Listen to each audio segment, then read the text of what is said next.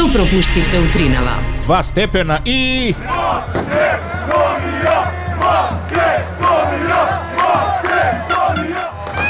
Сите со нетрпение го очекуваме вечерниот надпревар против Англија. Дали си возбудена, Зорчице? Ептен. Има ли нешто Многу што сум возбудена. што што М. е тема на муабет, а да не е фудбал од вечерва? Па генерално не. Според она што можам да го забележам и по социјалните мрежи и овде во студиото и надвор од студиото, мислам дека сите со нетрпение очекуваат вечер да започне надпреварот. Надпреварот започнува во 20 часот и 45 минути.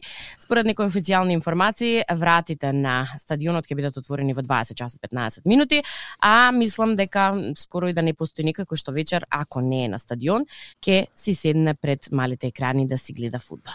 Она што Она што? Како родител би сакала да им го посакам на сите со оглед на денешната температура. Добро облечете се за вечер, а ако одите на стадион, ќе биде навистина студено, немојте утре измрзнати и е, без глас да се појавите на своите работни места. Е, добро облечете се шалчиња, капчиња во боите на Македонија и најгласно навивајте. Тоа е она што можам да ви го дадам како предлог за тоа што вечер може да се прави. Во петокот исто така имаше фудбал. Македонија играше против Италија во Италија.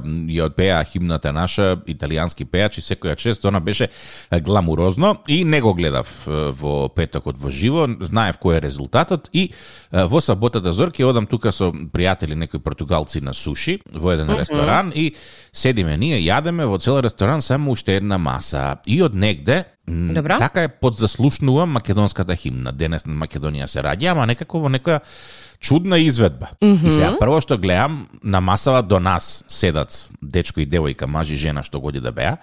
И mm -hmm. имаат телефон на маса и викам, ние валјда дека македонскава химна свири од телефонов на дечкиве, знаеш. И се обидувам да наслушнам на кој јазик зборуваат.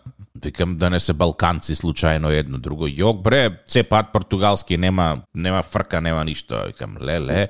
Од каде викам ја трипам човеч усред Португалија, ти ја слушаш македонската химна, патриоту, еве ги овие се јавуваат од партија да те регрутираат како таков патриот со такви чувства ни треба.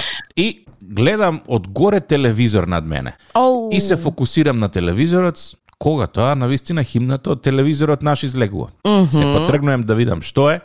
Кога тоа снимка од петочниот надпревар помеѓу Италија и Македонија на е, Спорт 1, тоа ти е еден од првите најпопуларните спортски канали тука во Португалија, викам леле која чест ја е, имаме да, Чест и да, не, да, не, да не пуштаат Да. во во снимка, да. После кога почев да гледам, ја дури јадам суши 2-0 стана, викам леле кој знае како завршил над преворов и на крај излезе 5-2 дека не победили италијаните, ама е, добро. Синоќ играше Португалија против Исланд.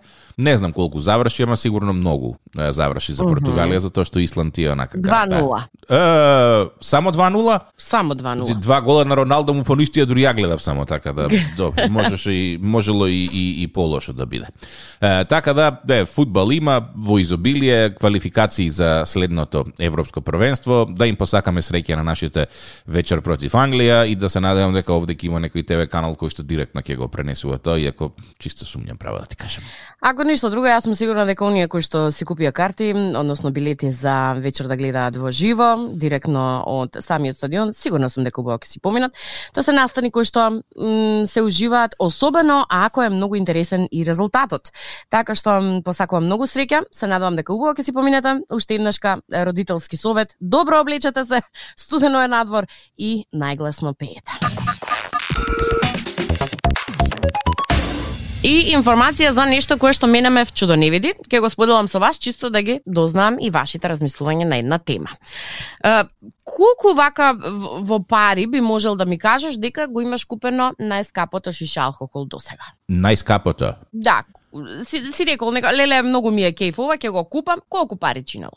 Дали може да се сетиш? Најскапото беше метак за некоја special edition, чинеше околу 70 евра. У, у, срце ме доволе. Добро. Зошто? Со оглед на тоа што јас не многу е, ниту почитувам, ниту конзумирам алкохол, некако секоја сума дадена за алкохол ми е многу. Ама за да паднеш во несвес, исто како што падна во несвес и јас, морам да ти кажам дека достигнате рекордот и продадено е најскапото виски на светот. Добро, колку? Истото, односно шише шкотско виски, било продадено минатиот викенд за околу 2,2 милиони фунти, односно 2,5 милиони евра, што е рекорд на аукција за шише виски или било каков алкохолен пиелок продаден до сега. Само 40 шишиња од ова виски биле флаширани во 1986 wow. година, по старење во борињата од 60 години. Она што е многу интересно е дека 12 шишиња, вклучувајќи го и продадиното, има етикети дизајнирани од италијански сликар по име Валерио Адами И она што уште поинтересно е дека шефот на одделот за виски, леле пази каква позиција да имаш шеф на оддел за виски. Шеф на оддел за виски ми се Ја би сакала да бидам шеф на оддел за чоколади. Пред продажбата изјавил дека може да го проба и го пробал ценетиот виски и вели пробав мала капка од ова, многу е богат со многу сушено овошје како што би очекувале, многу зачини и дрвенет вкус, рече. Тој нагласи дека 60 години се чувал во темен европски даб, што се одразувало и на самата боја на продадиното шише виски. Извика се размислува, Замисли да имам толку многу, многу пари, да не знам што да правам со истите, и да одам да купам шише виски на аукција, еве не мора 2,5 милиони евра, ама ета го, го купуваш за некој 2 милиони евра. Како ќе го како ќе го пиеш тоа виски од 2 милиони? Е, сега ќе ти кажам. Ќе ве соберам сите вечерта, ќе ви најавам дека имаме е, како се викаше, пробување. Скапо виски? Да, имаме дружба по повод да пробаме дегустација на едно скапо и ретко виски, ќе ве соберам сите, кај мене ќе ќе свири оркестар, едно друго и да, да речеме дека така и ќе ќе ве угостам заеднички да го пробаме и да го испиеме, зашто инаку ако не се пофалам исто како да не сум го купила. И се тука се размислувам јас како мајка на две мали деца, го купувам ова шишева виски, го оставам на шанк, вика мај за вечер ќе го пиеме и децава се збркаат, поминуваат трас. Вау. Адиос Шок. Ке, ќе бъде да го личеше на леле, не вискито отиде. Доле од плочките, назад во шишето. Мојот мојот пристап би бил малку поинаков. Наместо да го делам со пријатели, ја ќе се кријам во некој ќоше од домот и со грижена совеста ќе пијам капка по капка. Ама чекај малку, како ќе се пофалиш дека си потрошил 2 милиони фунти, ако не го споделиш со пријателите? Ај тоа што викаш, како ќе се пофалиш? Джабе, джабе се дадени парите ако не се направиш фраер на таа тема. Јас како искрено ако пријателите научат дека имам 2,5 милиони фунти, има да ми станат уште подобри пријатели. не, меѓу другото, една работа сакав да те прашам. Ако не можеш да се пофалиш, зошто го купуваш? И ако не сакаш да го споделиш? Ај тоа што викаш, за аздис. Тие работи за аздис се Да, ме еве и да им кажеш например например леле какво виски, прво нешто што ти ќе ти кажат, па не знам, не верувам, дај да пробам да видиме дали на вистина тоа виски е така добро како што ти го објаснуваш. Mm. Не знам, искрено толку многу проблеми, не само мој, туку и на сите блиски би решиле овие 2 милиони фунти или 2,5 милиони евра. Право да ти кажам, со виски не би им го. Лековито, магично виски. Капка ипел од вискито. И те реша. За на твоите желби. Не знам, на вистина не знам. Колку станови се ова во едно виски? 10. Може би 13. 13. Па значи на пријателиве наместо да им дам по чаша виски, можам да им купам по еден стан. Па можеш. Со парите. Можеш. И вечно ќе ме памтат. Ја искрено, јас, јас лично повеќе би преферирал стан да ми купиш отколку една скапа голдка виски. Еве а дилемата за за утринава. Тадам ја откривме. Добра. Што повеќе би сакале? Да. да се напиете една чаша виски која што чини 2,5 милиони евра или пријателите да ви подарат станот 150.000 евра? Да. Трк на Facebook да го одговориш да. прашањето.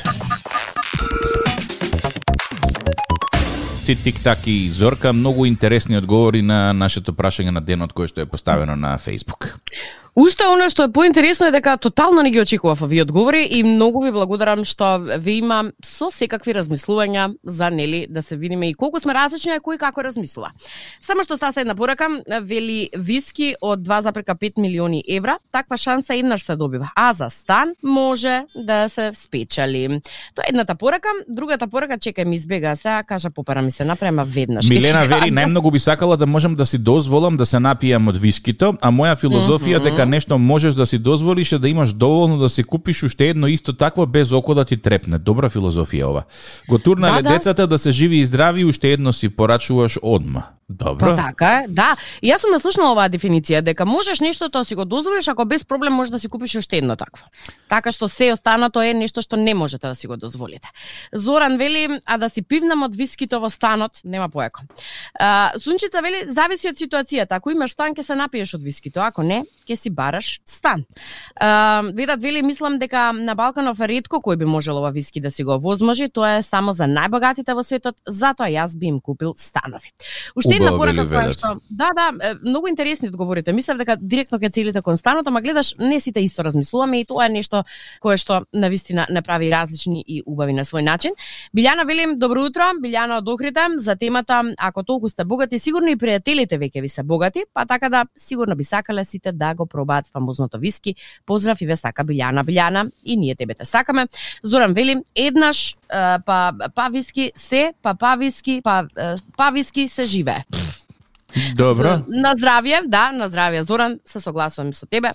Секој со своето размислување. Ама сега ќе ми треба да се соединиме со размислувањата заради тоа што имаме една малку поинаква задачка која што а, ако не се лажам потикнува од учебникот по математика за петто деление. О, многу сакам вакви работи. Знам дека ги сакаш ќе треба да ја решиш исто така. Не од оние загадки со кои што се пресметувавме кој колкав резултат има, ама е задачка која што добро ќе те замисли, ќе те размисли и мислам дека тука некако би требало сите да имаме подеднакво размислување на оваа тема и на оваа задачка, а вие вашето размислување може да го истакнете веднаш под прашањето на социјалните мрежи. Прашањето, односно задачата вели вака, дали си подготвен? Mm, А да ми даеш 5 минути психички да се подготвам? Ајде, ајде, ајде. Може и Ме така. фати вака на препади, се ми се пресекува нозете малце. Остани тука за 5 минути тик-так одговара задача по математика. Ова е Радио 2. Добро утро.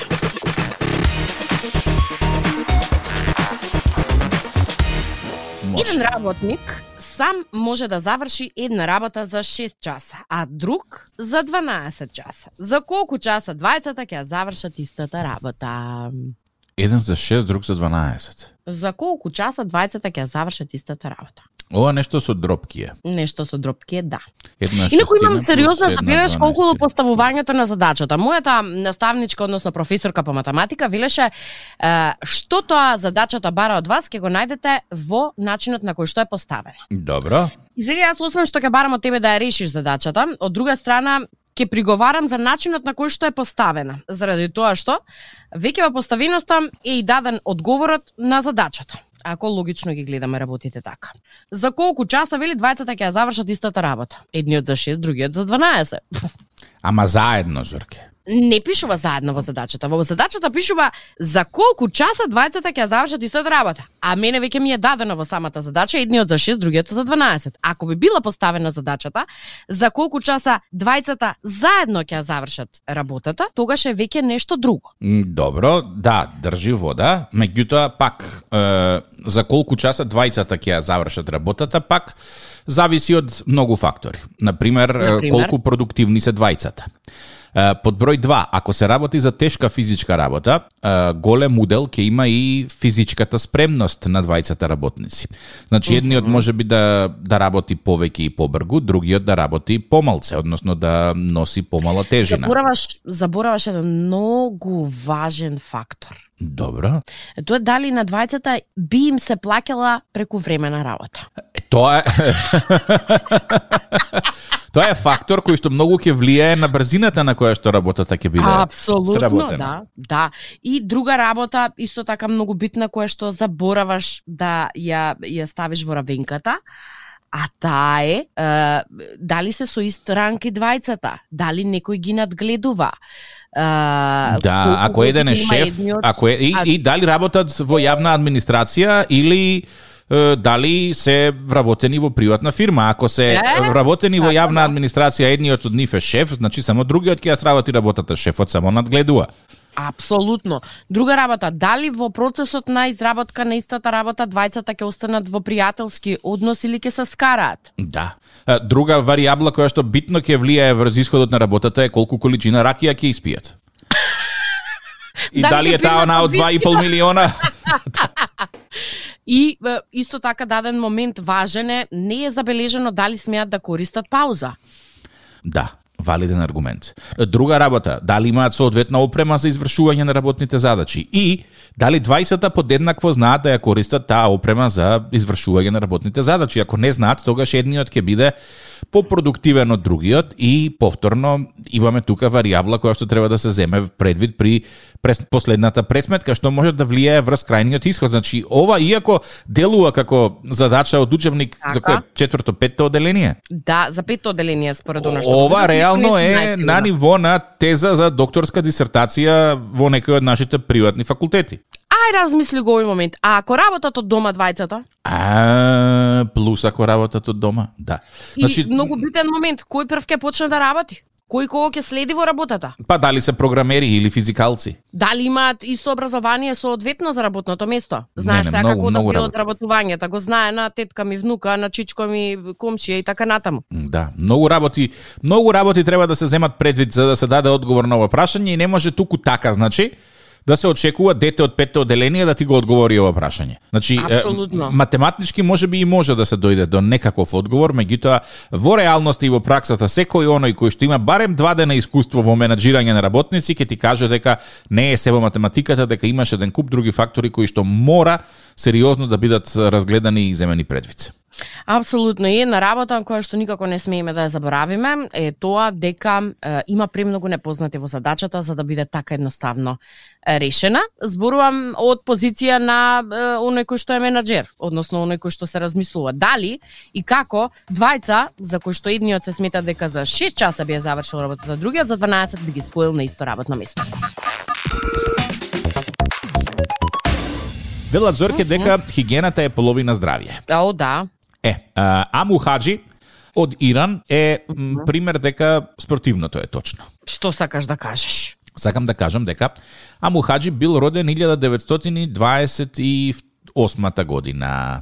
Ихи, добро. А, и човекот си живеел нормално таму во Иран, се некаде до својата м, 40 годишна возраст, кога некоја млада невеста му го скршила срцето. И од тогаш Аму Хаджи решил дека треба да живее онака живот на испосник и како една од работите кои што ги решил е да престане да се бања. Е, добро. И сега, од својата 40 година, Аму Хаджи живеел во некоја трошна дрвена кукичка, не се бањал 67 години, во главном извор на храна му биле мртви животни кои што ги наоѓал на улица, а типот сакал и да пуши, и тоа најчесто пушил по 3-4 цигари наеднаш или пушел луле во кое што ставал измет од животни. Добро, згадена сум до максимум. Чекај сега, има твист приказнава. Типот си живеел во некое село во Иран цел живот и луѓето прво пробуеле да го натераат да се избања, меѓутоа не успеале. Начинот на кој што одржува лична хигиена е тоа, е, тоа така што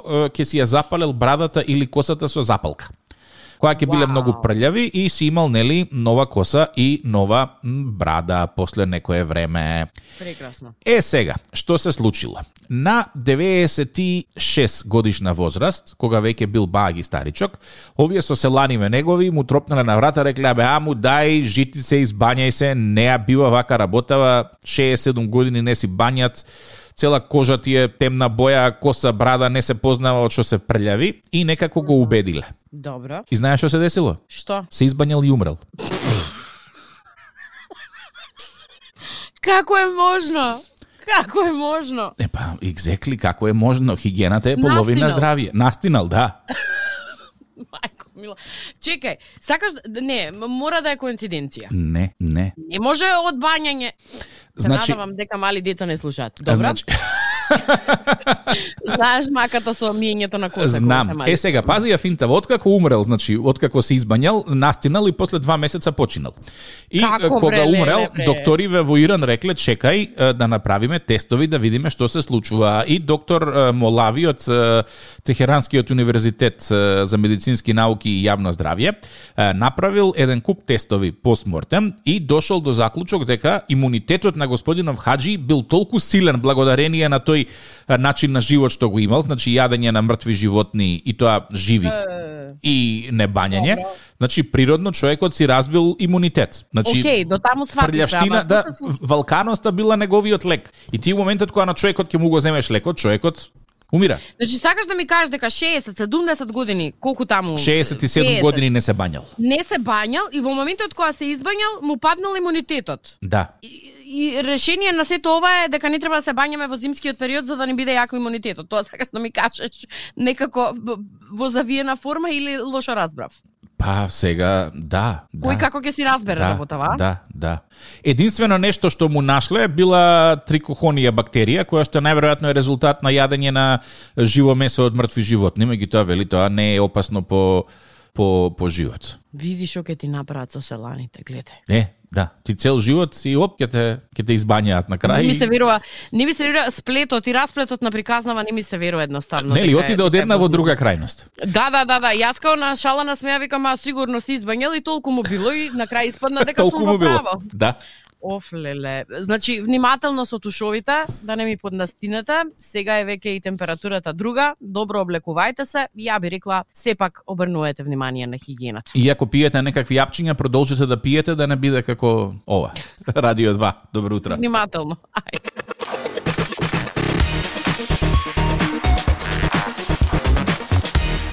Сакал на легален начин да го реши тоа и како, како преку тунели, а? Да. Не, Застава пробува на еден граничен премин, нема виза, друг граничен премин, нема виза, рекол ја сега ФАП ќе е, отидам преку како Канал, ката, да го, каналот, да го да. исполнам својот е, животен сон и да станам амерички граѓанин. И Претпоставувам така. од каналот во каналот, тоа тешко се стига, нели, бидејќи не, не знаеш кај си нема. И заглавил во канализација некој, и толку крај на крокодилот. И тука нема мрдање и на крај ќе морат, нели, морале да направат интервенција да го истргаат од таму, се со цел нели да едноставно се си функционира. И сами не ме интересира дали ова предизвикало и дополнителни проблеми на корисниците на канализацијата Добра. И колку штета е нанесено сето ова, заради тоа што според фотографиите кои што можев да ги видам, на вистина е многу голем крокодил. Што 200 значи дека кила зорке, тоа е колку двајца јас.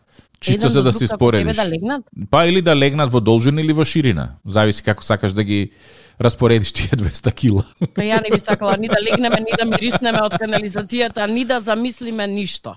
Ништо тоа, ама ете, се случуваат и тие работи. Да, најчесто проблемот се бара си мислиш дека е неисправна, цевката пукнала едно друго, ни на крај памет нема ти текна дека крокодил лежи и дека заради него едноставно затнато е се и дека мора да се извади. Јас а, со а, радосно срце ќе ти кажам дека крокодилот е успешно изваден и преместен во соодветно згрижувалиште, односно а, жив, здрав и ќе продолжи да си жива, односно да се функционира, меѓутоа на друго место, на негово соодветно живеалиште и се надавам дека нема да се случува, ама на тема е, дека им се заглавил крокодил, сериозно треба да се позанимаваат за да нели видат од каде тоа крокодили им шетаат по канализации. Не знам Да. дали знаеш. Да, Не, ај нема да ја отворам темава затоа што може многу кошмари да предизвикам. Некое друго издание кој ќе бидеме порасположени.